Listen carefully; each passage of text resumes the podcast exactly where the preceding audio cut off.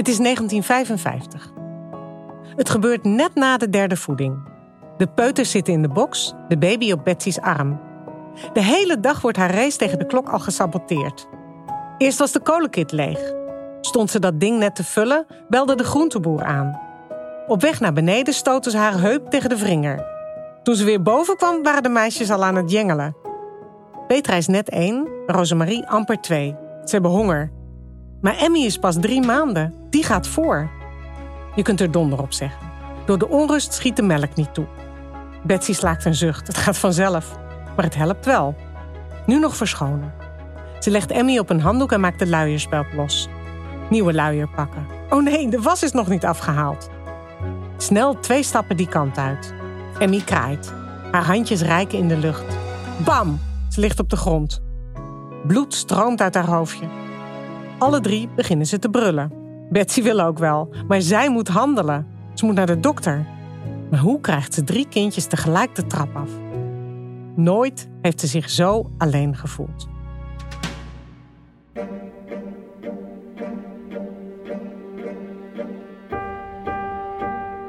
In geen enkele eeuw veranderde het leven van vrouwen zo sterk als in de afgelopen 100 jaar. Met invloed op iedereen. Hoe verliep de strijd om behandeld te worden als gewoon mens? En hoe beïnvloedt dit de maatschappelijke positie van vrouwen nu, in onze tijd? Dat onderzoeken we in de Eeuw van de Vrouw. En dus die van ons allemaal. Ik ben Susanna Jansen, schrijfster en, ik heb het al eerder gezegd, geboren in 1964. Pas toen ik 11 was, werd het verboden om vrouwen te ontslaan als ze trouwden of zwanger waren. En ik ben Rachel van der Pol, journalist, geboren in 1983. En toen ik 18 was, kwam er voor het eerst een regeling waarbij vaders vijf dagen geboorteverlof mochten opnemen. Vandaag gaan we het hebben over de natuurlijke bestemming van de vrouw. Het moederschap. Precies. Hoe bepaalt de moederschapsmythe de positie van vrouwen? En hoe zit het met de kloof tussen wat je zou moeten voelen als moeder en hoe het werkelijk is? Wat ik trouwens wel even wil zeggen, is dat er natuurlijk genoeg vrouwen zijn die geen moeder zijn of worden. Maar het fysieke vermogen om in principe een kind te kunnen baren legt een druk op iedereen met een vrouwenlichaam. Ook op wie geen moeder wil of kan worden. Want onderhuids blijft een norm dat dit je bestemming is. Maar in deze aflevering hebben we het over wat er gebeurt als je wel moeder wordt. Precies. En ik heb een mail gekregen van een jonge vrouw uh, waar we volgens mij mee moeten beginnen. Ze heet Ruby van Dijk en ze is 28 en vorig jaar moeder geworden. En dit is een stukje uit wat ze schrijft. Ik had het gevoel dat ik was voorgelogen over dat hele idee van gendergelijkheid.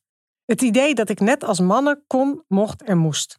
Ik hoefde alleen het kind te dragen en de rest doen we samen, dacht ik. De realiteit bleek anders. Ja, alleen het kind dragen. Ja. Ja. Ja, ik ben met diezelfde aanname aan het moederschap begonnen. Ik heb geloof ik in aflevering 1 al gezegd dat ik daarna behoorlijk in de kreukels lag. Uh, derde van mijn bloed verloren. Daardoor ben ik in een slaapcrisis beland, wat tegen een psychose aanschurkte. Uh, dus ja, er was nogal een kloof tussen nou ja, wat je, hoe je je zou moeten voelen en hoe het is. En ik merkte ook wel vaak dat als dan mensen bijvoorbeeld aan me vroegen van... hey, hoe gaat het? Weet je wel? En je dan vertelde hoe het is. Nou, eigenlijk echt helemaal niet zo goed. Ja. Dat ik best wel vaak ongemakkelijke reacties kreeg. Uh, en ook een veel gehoorde was: Oh, maar als je dan naar dat koppie krijgt, dan is alles toch weer goed. Ja, en ik was acht van de negen maanden misselijk. En ik werd van alle kanten bestookt met die zogenaamde roze wolk, die ik echt helemaal niet heb ervaren. En pas uh, anderhalf jaar na de bevalling kon ik me genoeg concentreren om een krantenartikel te lezen. Niet te schrijven dus. Eigenlijk is het gek, hè? Want die tijd van zwangerschap en bevalling, dat is dat is in zekere zin de gevaarlijkste periode in een vrouwenleven. Want je kunt overlijden in het kraambed. Um, je kunt enorm bloedverlies hebben. Nou ja, wat jij vertelde, dat je tegen een psychose aanzat. Uh, ernstige bloedarmoede, postnatale depressie, bekkeninstabiliteit, uitscheuren, verzakte baarmoeder. Nooit meer je plas kunnen ophouden, enzovoort, enzovoort, enzovoort. Ja, dit heeft allemaal invloed op de positie van vrouwen. Ja, precies. Ja, want tot een jaar of dertig lopen vrouwen en mannen tegenwoordig min of meer gelijk op qua maatschappelijke positie en inkomen. Maar zodra er kinderen komen, daalt het inkomen van de vrouw gemiddeld 45 procent. En van de man praktisch niet. Nou ja, die cijfers kennen we. Maar de impact van het moederschap is natuurlijk niet alleen in cijfers uit te drukken. Ehm, ja, en dat heeft natuurlijk weer een geschiedenis. Ja, zo is het. Toen mijn moeder 100 jaar geleden geboren werd, 1922, werd zij, uh, net als alle meisjes, opgevoed om huisvrouw en moeder te zijn. Want dat was, dat was echt zonneklaar. Iedereen wist dat was haar bestemming. Want het, het biologische vermogen om kinderen te baren, dat dicteerde in die tijd alles. En zorgen hoorde daar automatisch bij. En ik denk dat we het er al in aflevering 2 over hadden, maar het was, een, het was een luxe. Dat veel gezinnen in de eerste helft van de 20e eeuw welvarend genoeg waren om rond te kunnen komen van één loonzakje. En de vrouw mocht thuis blijven. En ze kreeg haar eigen belangrijke taak als verzorgster en hoedster van de toekomst. En uh, tegen de jaren 50 was 98% van de getrouwde vrouwen vrij om zich uitsluitend met huis en haard bezig te houden. Vrij. Nou, ik noem het eigenlijk expres zonder spot. Want. Zo werd dat echt gezien. Nou, maar moet je voorstellen, je hebt een huishouden met zeven kinderen te verzorgen. Er is geen enkele machine, geen voorgesneden groenten enzovoort. En je moet daarnaast ook nog uh, kantoren poetsen, zoals mijn oma. Dus mijn moeder was eigenlijk een geluksvogel. En ik moet wel zeggen, bij die 98 procent was niet meegeteld uh, vrouwen die thuiswerk moesten doen of die in het bedrijf van hun man meewerkten. Maar goed, een substantieel deel van de, van de Nederlandse vrouwen was uh, fulltime huisvrouw en moeder. En dat was echt een ideaal. Dus het modelgezin dat bestond uit een zorgende moeder en een vader die kostwinner was. En ook alle wetgeving uh, sinds de Tweede Wereldoorlog werd gebaseerd op het gezin als hoeksteen van de samenleving. Een goede man zorgde financieel voor zijn gezin en een goede vrouw was huisvrouw en moeder. En haar huis en haar kinderen werden steeds meer een weerslag van haar identiteit. Als het huis schoon was en de kinderen beleefd, dan, dan was ze een goede vrouw. Een goed mens. Daar werd je absoluut op beoordeeld. En daar beoordeelden vrouwen zichzelf ook op. En dat is iets wat misschien nog best is blijven hangen. Ik ben een onderzoek tegengekomen uit 1955 dat heel tekenend was voor die tijd. Um, in die tijd uh, was er net een ingenieursopleiding in de huishoudkunde opgericht. Dus het was een wetenschappelijk onderzoek met de titel Wat doet de huisvrouw met haar tijd? En ik haal even de conclusies aan. Eén was, de huisvrouw verrichtte zo'n 200 verschillende werkzaamheden. Twee, elk werk duurt zeer kort. Drie, de vrouw moet zeer veel heen en weer lopen binnen het huis.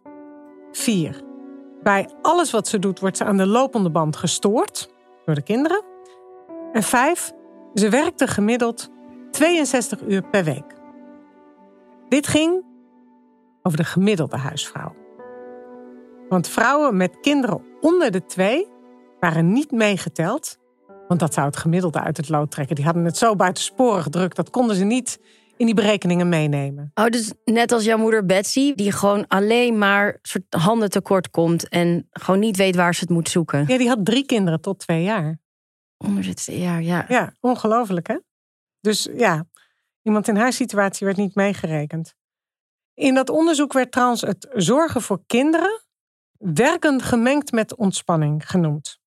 Want, viel dat dan wel onder die 62 uur? Volgens mij viel het er wel onder. Maar het was wel leuk. Daar leefde een moeder van op.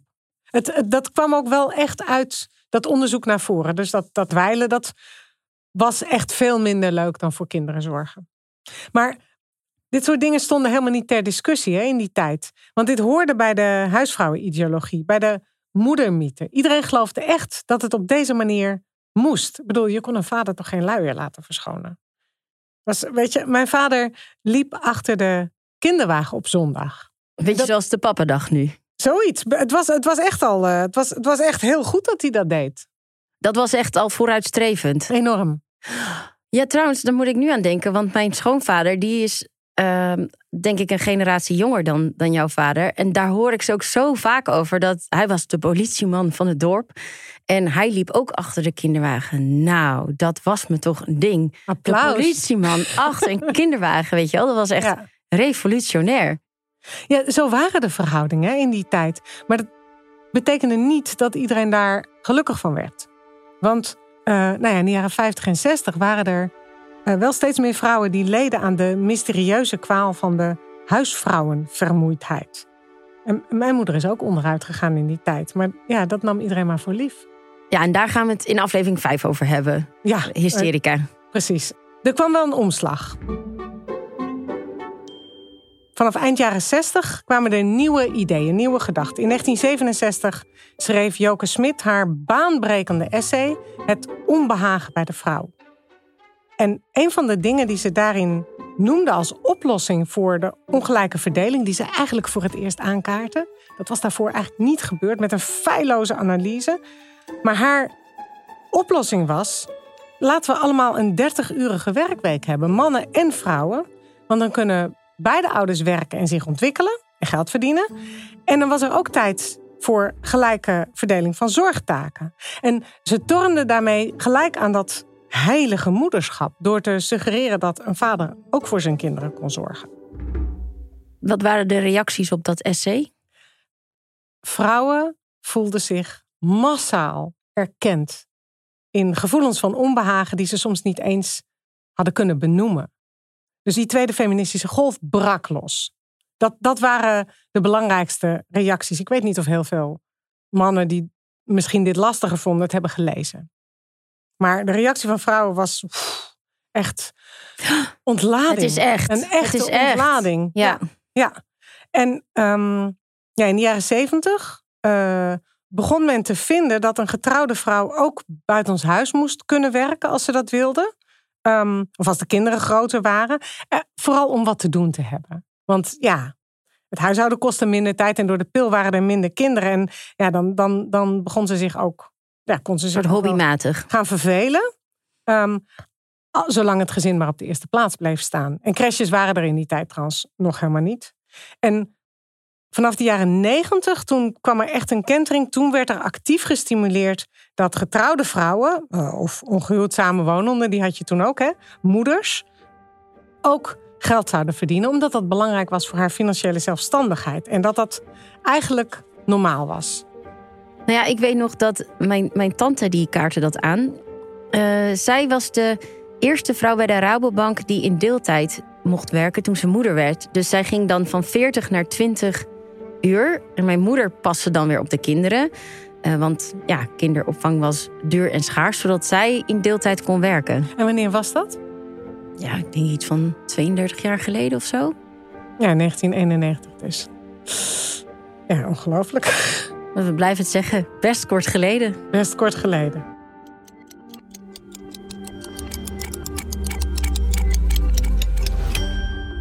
Het is nu 2023. Bijna een halve eeuw nadat Joke Smit een oplossing voor normale verdeling van zorg en werk op een presenteerblaadje aanbood. Maar nog altijd lukt het minder dan 1 op de 10 hetero-stellen om een gelijke verdeling te bereiken. Ook al zijn er veel meer die het willen. Ja, 38% van de vrouwelijke werknemers verlaat kort na de geboorte van hun eerste kind de organisatie waar ze werken. Wat zien we over het hoofd? Daarover gaan we praten met Joyce Knappen. Ze is opvoedkundige en bedrijfsantropoloog en directeur en oprichter van Pro Parents. Joyce is geboren in 1977. En in dat jaar werd voor het eerst een staatssecretaris van emancipatiezaken aangesteld. Het stelde nog niet zoveel voor, want ze had amper personeel op haar ministerie. Maar het was wel een voorzichtig begin. Welkom, Joyce. Welkom. Dankjewel. Hey Joyce, jij had je bedenkingen om hier te komen. Ja, dat klopt. maar dat heeft te maken met de titel. En uh, het feit... De eeuw van de vrouw. Ja, en, en um, kijk, ik snap heel erg goed wat de issues zijn uh, rondom vrouwen. Maar ik ben van de inclusiviteit. Uh, dus ik wil eigenlijk nooit echt graag meewerken aan podcast of onderwerpen of media als we het alleen maar over vrouwen gaan hebben.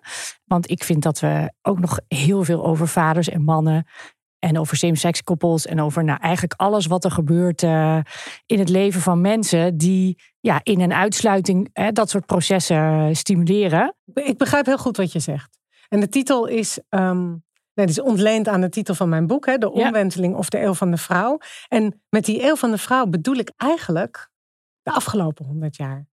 Ik heb die honderd jaar bekeken vanuit het perspectief van vrouwen, omdat dat toch echt niet zo heel erg vaak gebeurd is. En, uh, en, en eigenlijk ook omdat ik ervan overtuigd ben dat we, uh, als we willen begrijpen waar we nu staan en uh, zeg maar een stevige grond willen hebben om naar voren te kunnen, dan, dan moeten we snappen waar we vandaan komen. Maar ik wil het ontzettend graag met jou over de toekomst hebben. Nee, dat klopt. Kijk, en de, het feit dat dit gebeurt en dat je die insteek kiest, is ook eigenlijk helemaal niet zo gek.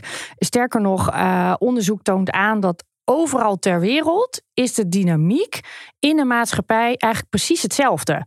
Namelijk, moeders worden beoordeeld door de buitenwereld en vaders worden beoordeeld alleen maar thuis door hun partner. En daarmee houden we eigenlijk uh, de belemmeringen en uh, de ongelijkheid, die bevestigen daarmee. En daarmee sluiten we eigenlijk het gesprek wat we moeten hebben uh, met mannen over hun vaderschap of over masculiniteit, uh, wordt daar, komt daarmee niet in de publieke ruimte. En uh, dus dat was eigenlijk mijn reden dat ik dacht, ja, we moeten het wel over beide kanten van de medaille hebben. Dat gaan we doen. Want ja. ik, ik sluit me volledig bij jou aan. We hebben een nieuw narratief nodig. Dus laten we een beginnetje maken in dit gesprek. Precies. we willen je graag een verhaal voorleggen van Ruby van Dijk, die hadden we al eerder uitgeciteerd. Um, ze heeft een mail voor ons ingesproken. Luister maar even mee. Ik ben nu 28 jaar en echt wel opgegroeid met de boodschap dat mannen en vrouwen gelijk zijn. Uh, maar afgelopen jaar kreeg ik een zoon. En sindsdien heb ik eigenlijk het idee dat we zijn voorgeloven over het hele idee van gendergelijkheid. Omdat ik wel degelijk plichten heb als vrouw die een man niet heeft.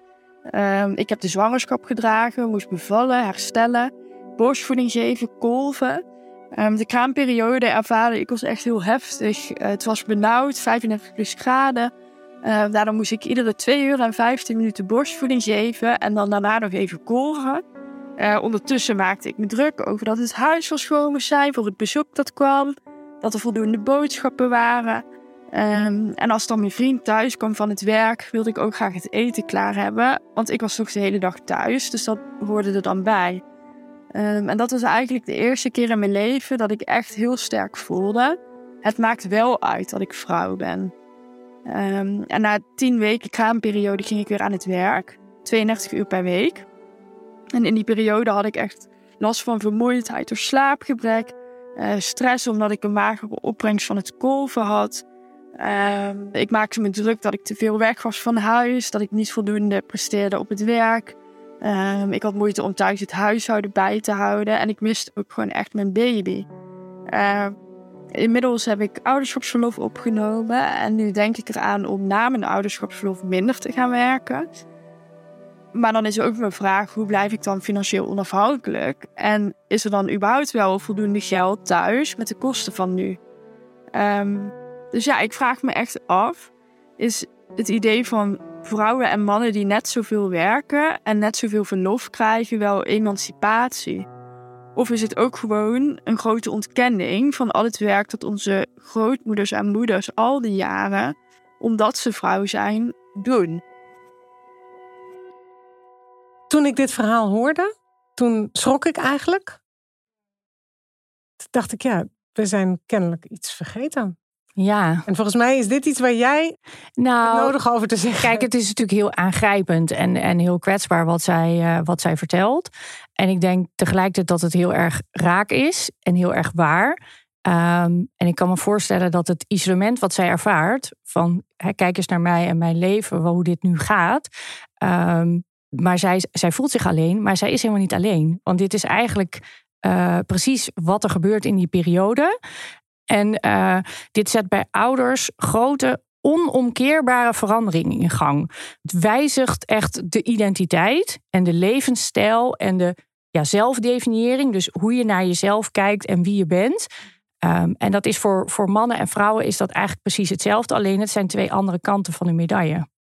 Waarom is het dan zo dat 38% van die vrouwelijke werknemers kort na hun eerste kind het bedrijf waar ze werken verlaten en mannen dus niet. Ja, nou wat je ziet is dat eigenlijk de, de hele arbeidsmarkt nog heel erg ingericht is met alle wetgeving, beleid, voorzieningen, uh, wetregelgeving op het kostwinnaarsmodel. Hè? Dus die arbeidsmarkt die is eigenlijk helemaal niet mee veranderd met het feit dat we nu zo'n hoge participatie van vrouwen hebben. En dat vrouwen uh, baby's krijgen, maar ook in de overgang komen. Hè? Dus dat, er, dat daar gewoon allerlei eh, ja, andere omstandigheden zijn die van invloed zijn op hun inzetbaarheid en belastbaarheid. En dat is eigenlijk heel erg normaal. Daar moet je alleen zorgen dat het beleid en de wet en regelgeving uh, meebeweegt. In plaats van te zeggen, vrouwen moeten uh, ja, mini-mannen worden. en eigenlijk hun hele werkende leven moet er precies hetzelfde uitzien. Want anders hebben ze niet een soort vergelijkbaar carrièrepad of een vergelijkbare uh, verloop. Ja, want, want het is inderdaad nog steeds zo dat in werkgeverschap uh, er weinig rekening wordt gehouden met wat de daadwerkelijke impact is van bijvoorbeeld een bevalling. dat maar klopt. ook wat, het nodig, wat een man nodig heeft om te kunnen zorgen, toch? Precies. Hè? Dus uh, vrouwen hebben een achterstand op de arbeidsmarkt en mannen hebben een achterstand op zorg. Dus we weten eigenlijk ook uit onderzoek dat uh, 60% van de vaders heeft een onvervulde deeltijdwens. Dus mm -hmm. die zeggen: ik zou het eigenlijk anders willen doen. Ik zou het het liefst gelijk uh, willen verdelen samen met mijn partner. En reken maar dat dat gesprek thuis aan de keukentafel of s'avonds in bed, dat die gesprekken gevoerd worden. Mm -hmm. Maar die vaders zeggen dus: ik word belemmerd. En dat kan zijn door allerlei belemmeringen. Hè. Dus laten we alleen al hebben over het, uh, de implementatie van het uh, partnerverlof, waar jij al aan refereerde. De wet en regelgeving is dat ze 70% vergoed krijgen van het salaris. Als je me even doorrekent, betekent dat dat je 30% van je salaris inlevert. Nou, je moet wel echt behoorlijk wat verdienen. Wil je dat gewoon uh, zonder blikken of blozen kunnen missen? En waarom accepteren we dit eigenlijk met elkaar? Want tegen vrouwen zeggen we ook niet: Goh, jij gaat bevallen en dan moet je wel 30% van je salaris inleveren. Dus, ja, dus het is een voorziening die eigenlijk uh, veel te veel keuze laat bij het individu of je er gebruik van gaat maken. Hè? Dus, dus daarmee hou je eigenlijk die ongelijkheid in stand. Uh, dus het idee dat mensen een werkelijke vrije keuze hebben, ja, dat is eigenlijk niet echt realistisch. Wat zie jij als concrete oplossingen die, die eigenlijk nu nodig zijn? Nou, laat ik even beginnen met, uh, hè, voordat we het hebben over concrete oplossingen. Als ik kijk, wat gaat er nog mis? Want daar, hè, terecht wat je eerder al zei, we moeten wel echt goed ook het probleem begrijpen voordat we zien kunnen hebben over wat voor oplossingen er zijn. Um, als ik be bijvoorbeeld kijk naar het aantal uh, zwangeren, wat tijdens uh, de zwangerschap uh, risico loopt, hè, dan is dat rond de 20 tot 20 weken zwangerschap, is 1 van 41% van de vrouwen uh, werkt in één of meer onveilige omstandigheden. Als je kijkt na de 20 weken, is dat 63% van de zwangeren werkt onder één of meer onveilige omstandigheden. En dat kan zijn problemen met werkdruk, aanpassing van de werkplek, fysiek zwaar werk, onregelmatigheid, maar ook zaken als stress. En als je nou zegt, goh, uh, misschien uh, is het handig dat een werkgever de zwangere informeert over wet en regelgeving. Nou, ook daar is onderzoek naar gedaan. En slechts 15% van de zwangeren is daadwerkelijk door haar leidinggevende geïnformeerd over bestaande wet en regelgeving en hoe je die kan toepassen in je werk. Dus wat er, wat er eigenlijk misgaat, en in antwoord op jouw vraag, waar ligt een deel van de oplossing, is dat er best wel veel wet en regelgeving al op zijn plek is. Die is beschikbaar. Hij wordt alleen heel erg slecht uitgevoerd. En dan heb ik het alleen nog maar over de periode van de zwangerschap. Nee, want dat vond ik zo mooi hoe jij dat aangaf. Ook uh, dat levensfasegericht werkgeverschap. Ja. Um, ik wil ook nog heel even terugkomen op aan het begin van de podcast vertelde ik waar ik doorheen ging na mijn bevalling, waar jij het nu ook over hebt. Eigenlijk ja. de zorg na de bevalling. Wat gebeurt er op zo'n moment? Dat je dan helemaal in de kreukels ligt en mensen dat eigenlijk niet willen erkennen. Ja, hè, dus als je kijkt wat, uh, ja, hoe het voor mensen werkt. Hè, wij, uh, wij werpen een onaf jong kan nog niet wegrennen, heeft geen schutkleuren, kan ook niet zelf eten, kan ook niet lopen. He, dus die is volledig afhankelijk, dan welke diersoort dan ook, van zijn omgeving. Nou, en uh, de natuur is natuurlijk niet zo gek dat ze mensen dan niet iets geven om zichzelf te beschermen, he, aangezien we niet kunnen rennen en geen schutkleuren hebben. Nou, dus wat hebben ze ons mensensoort gegeven? Namelijk vreselijk schattige baby's. He. Dus baby's hebben een groter hoofd ten opzichte van het lichaam, hebben ook grotere ogen. Hè, dus dat zie je ook als er hier een baby in de kamer zou liggen. Die gaat maar één ding doen en dat is contact maken. kijken, kijken, kijken. En iedereen gaat uh, hormonen aanmaken en wil er naartoe en kijken en glimlachen en contact maken. We kunnen letterlijk niet anders dan met uh, de baby in de center of our attention uh, zetten. En daarmee dus automatisch ook, ja, hè, doen we weer eigenlijk een beetje zo tussen de haarvaten. Ja, oh god, mam, hoe gaat het met jou? Hè? Of pap, hoe gaat het met jou? Eigenlijk is dat een beetje Ja, een antwoord wat in de coulissen zit. Ja, en dat vinden we eigenlijk niet zo interessant. Nee, Hè, nee, dus dan dan kunnen we ook niet zo goed weg. aan om dat helemaal vol in het licht te gaan zetten. Want ja, dat, dat is ook niet wat het bij ons oproept, deze gebeurtenis. Maar Ja. dat, het, dat, dat, dat druist dan ook totaal in tegen de mythe van dat het allemaal geweldig moet zijn. Want Ja, ik, precies. ik, ik weet wel heel goed dat mijn kind één was. Eh super schattig, super lief. En ik hield intens van hem. Maar ik gek werd van het feit dat ik geen seconde alleen was. En ik, nee, één keer, ik zat een keer op de wc. Dus ze ging de hele tijd mee. En ik wilde gewoon echt alleen zijn daar. En ik gooide de deur met een zwiep dicht. Net voor ze binnenkwam. Heel maar toen kwam de vinger tussen de deur. Oh, En ik voel me, weet je, ik voel me daar gewoon nog steeds schuldig over. ja. Na twintig jaar. Want dat hoor- hoort ook voor jezelf niet. Ja, Dat past gewoon niet in het plaatje dat het soms niet ideaal is. Ja, maar wat je omschrijft is wel echt super mooi. En dat is onderzoek onder andere van Parker. En die heeft onderzoek gedaan naar eh, hoe moeders eh, hun moederschap beleven. En ambivalentie, hè, dus tegenstrijdigheid in de emoties, dat is echt wel de, de kern daarvan. Ja. Eh, en die zegt heel mooi: de push- en pull-factor van je baby dicht bij je willen hebben en snakken naar eigen ruimte, fysiek en emotioneel, is echt de kern van het normale ritme van moederschap. ja. Holy dus- shit, nu mijn hele leven valt. Hè, dus, ja. dus het is beide waar. ja jij Je hebt het over zeggen. moeders, over ambivalent moederschap. Geldt dat dan niet voor vaders? Hebben die een andere ervaring? Nee, de psychologie van ouderschap is de kern is ambivalentie. Hè? Dus Mhm. ook voor vaders, om natuurlijk op een andere manier. En, en vaders eh, hè, bevallen niet en een heel ander herstelproces. Eh, maar specifiek dit onderzoek van Parker gaat over moeders. En ja, het is ook zo dat we hier in de literatuur ook veel meer en uitvoeriger onderzoek over hebben gedaan. Over ja, moeder en kind. Eh, en daarmee is ook ja, hè, vaders en mannen en masculiniteit en hoe vaders het beleven, is ook in de klinische en onderzoeksliteratuur een ondergeschoven kindje. Omdat we er gewoon te weinig aandacht voor aan achterstand. besteden. Ja. Ja, maar als je bijvoorbeeld kijkt naar. Er zijn natuurlijk best wel veel aannames, omdat het hele systeem nog niet is ingericht op, laten we zeggen, levensfase gericht ouderschap. Ja. Komt veel van de zorg nog op de schouders Mhm. van vrouwen. Hè? Maar Ja. één op de tien stellen heeft het zodanig ingericht. Waardoor vaak ook toch de aanname is van dat vrouwen daar natuurlijk beter in zijn. Dat vrouwen daar gelukzalig onder moeten zijn. Och, maar mannen zijn beter in dit. En Ja. vrouwen zijn beter in dat. En tu, tu, tu, tu, tu. En ach, Ja, en- voor een man, als zo'n kindje nog niet kan praten, is het minder interessant. Wat houdt daarvan stand als je kijkt naar de wetenschap? Nou, een aantal zaken. Eén, wa- wat ik net al zei, hè, dus, dus vaders hebben echt een, een achterstand. Zowel in onderzoek, in wat we weten en in, dus ook in de literatuur. Ook als je kijkt waar het onderzoeksgeld naartoe gaat. Hè, dus dat is, eh, dat, is, dat is een probleem.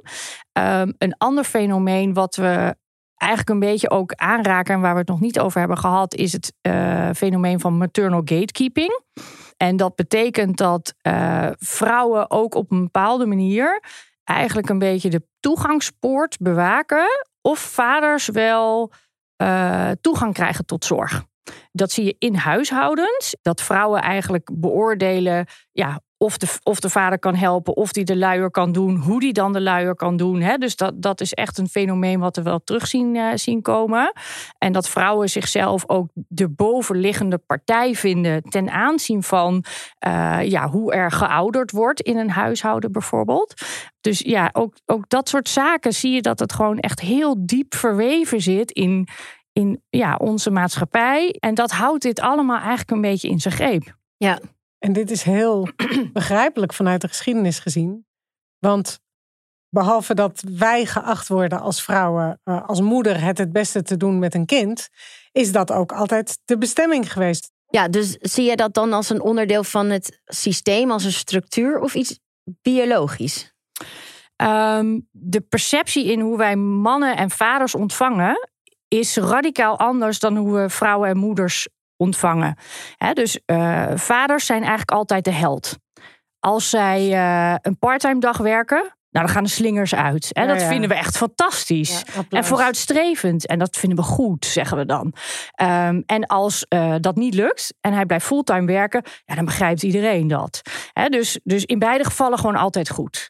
En als we kijken hoe we naar uh, de perceptie over vrouwen, dan moeten vrouwen werken alsof ze geen kinderen hebben. Ja. En uh, vrouwen moeten zorgen alsof ze geen werk hebben. Dus uh, ja, dat is eigenlijk in beide gevallen allebei half. He, dus mannen doen het altijd goed en vrouwen doen het altijd half. Ik, ik, herinner me dus heel goed dat mijn kind uh, twintig jaar geleden naar de crash ging. Maar ik haalde haar wel altijd vroeg op en ik bracht haar laat. ik werkte freelance en uh, dat wou ik gewoon. En ik kreeg kritiek van beide kanten. Van vrouwen die zeiden, vooral vrouwen, uh, hoezo breng jij je kind naar de crash? Je bent toch freelancer? En vrouwen die zeiden: Hoezo haal je er al om vier uur op? En vaders kregen geen enkel commentaar. Hè? Nee. Dat is echt iets wat er al, al best lang is. En um, waarmee we met z'n allen, denk ik, ook vrouwen klem zetten. Mag ik nog even terugkomen op uh, het verhaal van Ruby, waar we mee begonnen? Ja. Um, we hebben nu al veel besproken, onder meer dat uh, bijvoorbeeld al best wel veel risico's zijn voor vrouwen tijdens de zwangerschap, die voor werkgevers niet worden erkend. Daar hebben we het trouwens nog niet over gehad, maar dat er eigenlijk geen multidisciplinaire zorg is na de bevalling. Ook dat. uh, dat er eigenlijk nog niet genoeg vaderschapsverlof is. niet goed genoeg toegankelijk niet ook. Toegankelijk. Ja.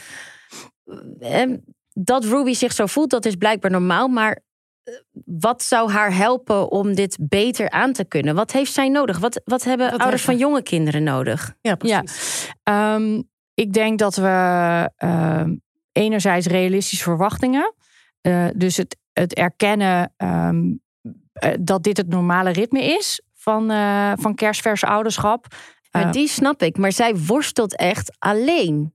Zij wil minder werken, omdat ze denkt: ik kan niet beide doen. Wat is er dan vanuit die werkgever en die uh, partner en de overheid nodig dat dit toch eventjes wat beter ingedekt wordt? Ja, nee, dat is, dat is een hele goede vraag. En dat is ook hè, waar ik het vaak heb als je het hebt over levensfasegericht personeelsbeleid. Wat je eigenlijk wil, is dat, dat de arbeidsmarkt en wetgeving en voorzieningen um, goed toegankelijk zijn, afhankelijk van de omstandigheden waarin jij verkeert.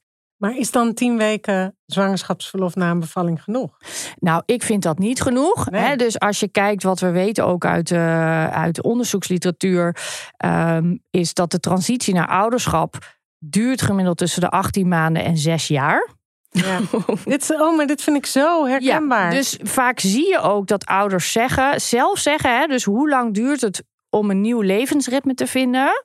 Uh, vaak zie je na 18 maanden dat ze denken, oh, nou, er wordt weer een oppas ingevlogen. We denken weer eens aan een tweede. Hè? We zijn er wel weer. Ja. Dus, dus eigenlijk is dat heel erg natuurlijk. Nou, wil niet zeggen dat er in die transitieperiode van 18 maanden tot 6 jaar. dat er in die tussenliggende tijd helemaal niks kan gebeuren. of dat je hoofd het niet doet en dat je helemaal niet kan werken. Dat is niet wat ik zeg. Wat ik zeg is. In die periode ben je kwetsbaar. Dus dat is eigenlijk veel realistischer om op die manier ernaar te kijken. In plaats van te zeggen, ik ga na twaalf weken weer full pool en hè, volledig mijn uren weer zoals ik van tevoren deed. Um, maar ja, je kunt niet anders als, als, als de werkgever niet een oplossing biedt. Eigenlijk zijn dit soort zaken, geloof ik, al best wel lang duidelijk.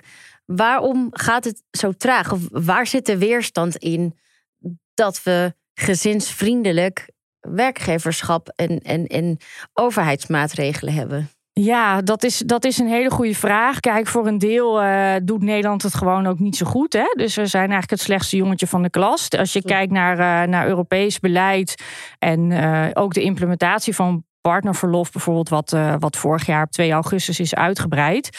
Nou, dat in alle eerlijkheid, dat is niet omdat Nederland nou zo lekker bezig is en dat een heel goed idee vond. Hè, dat is onder druk omdat ze gewoon moeten voldoen aan de Europese benchmark vanuit Brussel. En 2 augustus was de uiterste implementatietermijn waarop ze dat moesten doen. En anders zouden ze gesanctioneerd worden. Ik zie trouwens wel een patroon nu je dit zegt met andere met, uh, wetten. Gelijk ja. bij gelijk werk. Ook echt op het laatste moment onder grote druk. Ja, ik wil trouwens je nog iets persoonlijks vertellen. Ja. Wij hebben het in het voorgesprek ook over hè, nou ja, waar we het over gaan hebben, wat de podcast is. En uh, toen legde ik ook mijn verhaal voor. Toen vertelde je dat jij een soortgelijk bevallingsverhaal had gehad. En ik had eigenlijk tot dan toe niet door dat ik gewoon niet de zorg heb gehad die ik had kunnen hebben. En dat er Ja. zoveel ellende daarmee had kunnen voorkomen. Toen jij dus mij vertelde van er is eigenlijk helemaal geen multidisciplinaire zorg op na de bevalling. Ja, dat is echt eh, vrij ernstig. Eh, wij, wij hebben een vergelijkbare ervaring inderdaad gehad. Prachtig gezonde blakende baby, maar na de placenta ging het met mij niet goed. Ja, dat, dat is hè, linksom of rechtsom een ontzettend ingrijpende ervaring. Niet alleen voor mij, ook voor mijn man. Hè. Eh, die was ook stik, stik ongerust. En tegelijkertijd kwamen er op dat moment ook allerlei vragen. Van ja, ik wil wel heel graag borstvoeding geven, maar ik heb een HB onder de vier. Hè? Wat moet ik eten? Wat moet ik drinken? Kan ik dat doen? Is het verantwoord, slim, ja of nee? Hè, dus wij gingen een beetje ons eigen zorgpad in elkaar knutselen. Van nou, dan bel ik een lactatiekundige. En ja, als ik niet goed op de been ben en veel in mijn bed nog moet liggen omdat ik gewoon niet, niet goed uh, overeind kan. Ja, hoe, moet, hoe gaat dan mijn bekkenbodemherstel? Hè? Want ik kan gewoon heel anders me bewegen nog in de, in de eerste fase. Ik was zelf therapeut, mijn man is dokter. Wij gingen dat zo'n beetje in ons netwerk van zorgprofessionals, wat natuurlijk Ook onze vriendenkring is, uh, gingen wij dat een beetje bij elkaar zitten schrapen. Nou, en toen hebben we ook echt tegen elkaar gezegd: maar dit is, dit is wel echt wel heel raar. Dat uh, als wij met zo'n netwerk en de toegang al zoveel moeite moeten doen om dit allemaal een beetje bij elkaar uh, te verzinnen, wat nou eigenlijk slim is en waar we over na moeten denken, ja of nee. Dus dat klopt. Het, goede herstelbegeleiding. Ja, zie je dat die nazorg eigenlijk gewoon te minimaal is.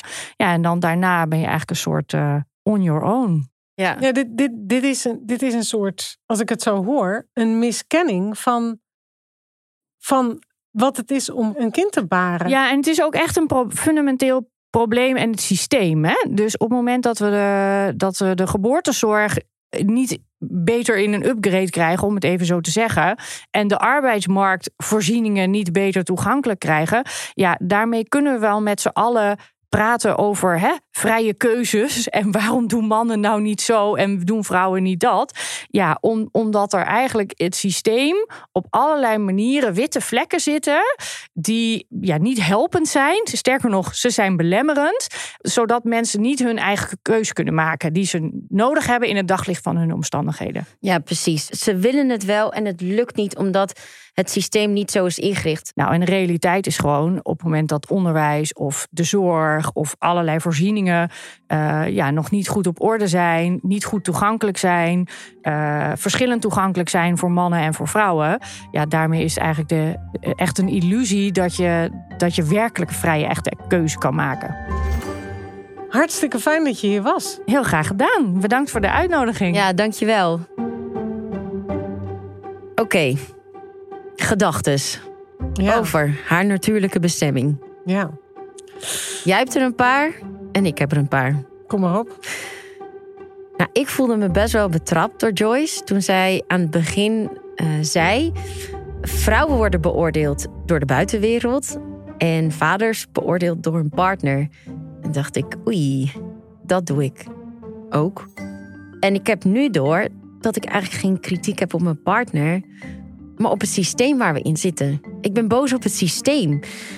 Maar ja, goed, die kan ik niet aanspreken. Dus hè, wie spreek je dan aan? Nou ja.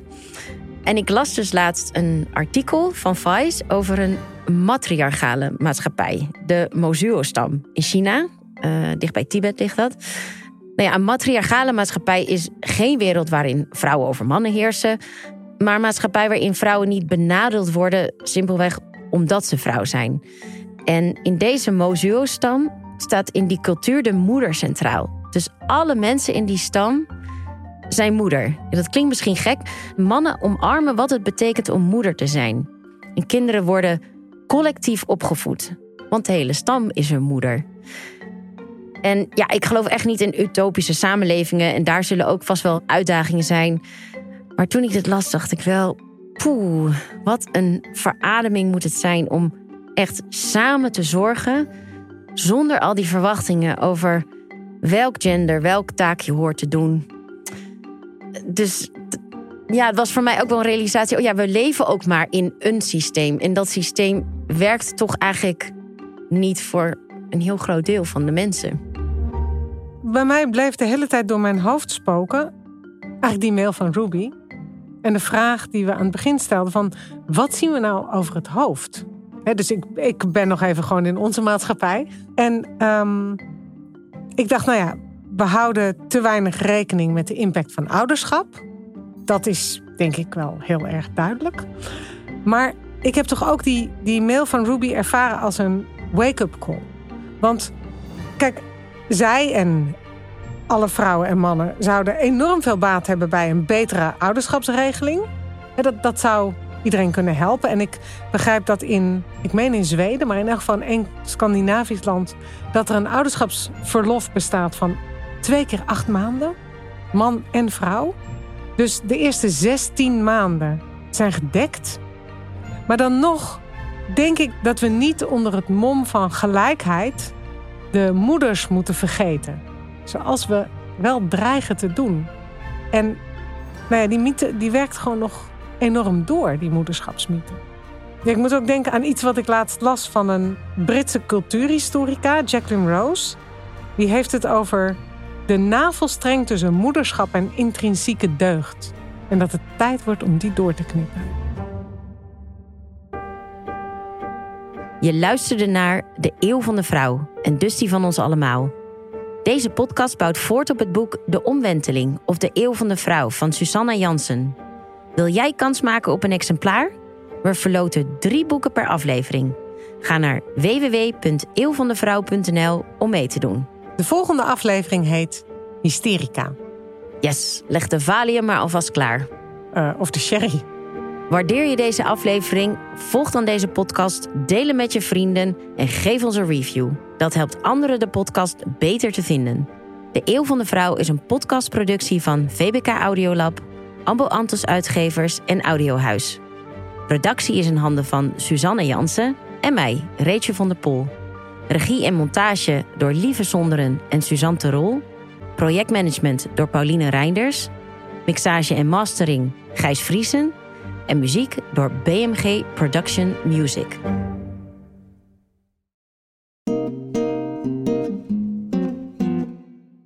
Welkom bij Lieve Els. Een podcast waarin ik brieven beantwoord over terugkerende patronen die jou ervan weerhouden het leven te vieren.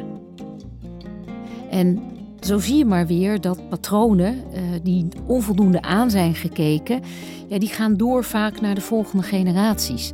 En een van de wetmatigheden is ook van dat wat je afwijst bij je ouder, dat installeer je ook vanuit een onbewuste loyaliteit bij jezelf.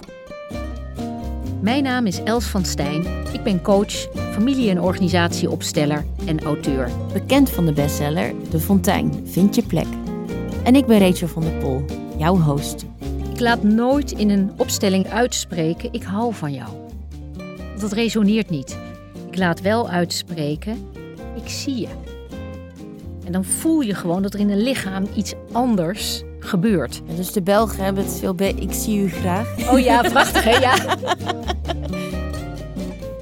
Met deze podcast hopen we meer inzicht te geven in familiesystemen en de bijbehorende krachtenvelden die ons leven beïnvloeden.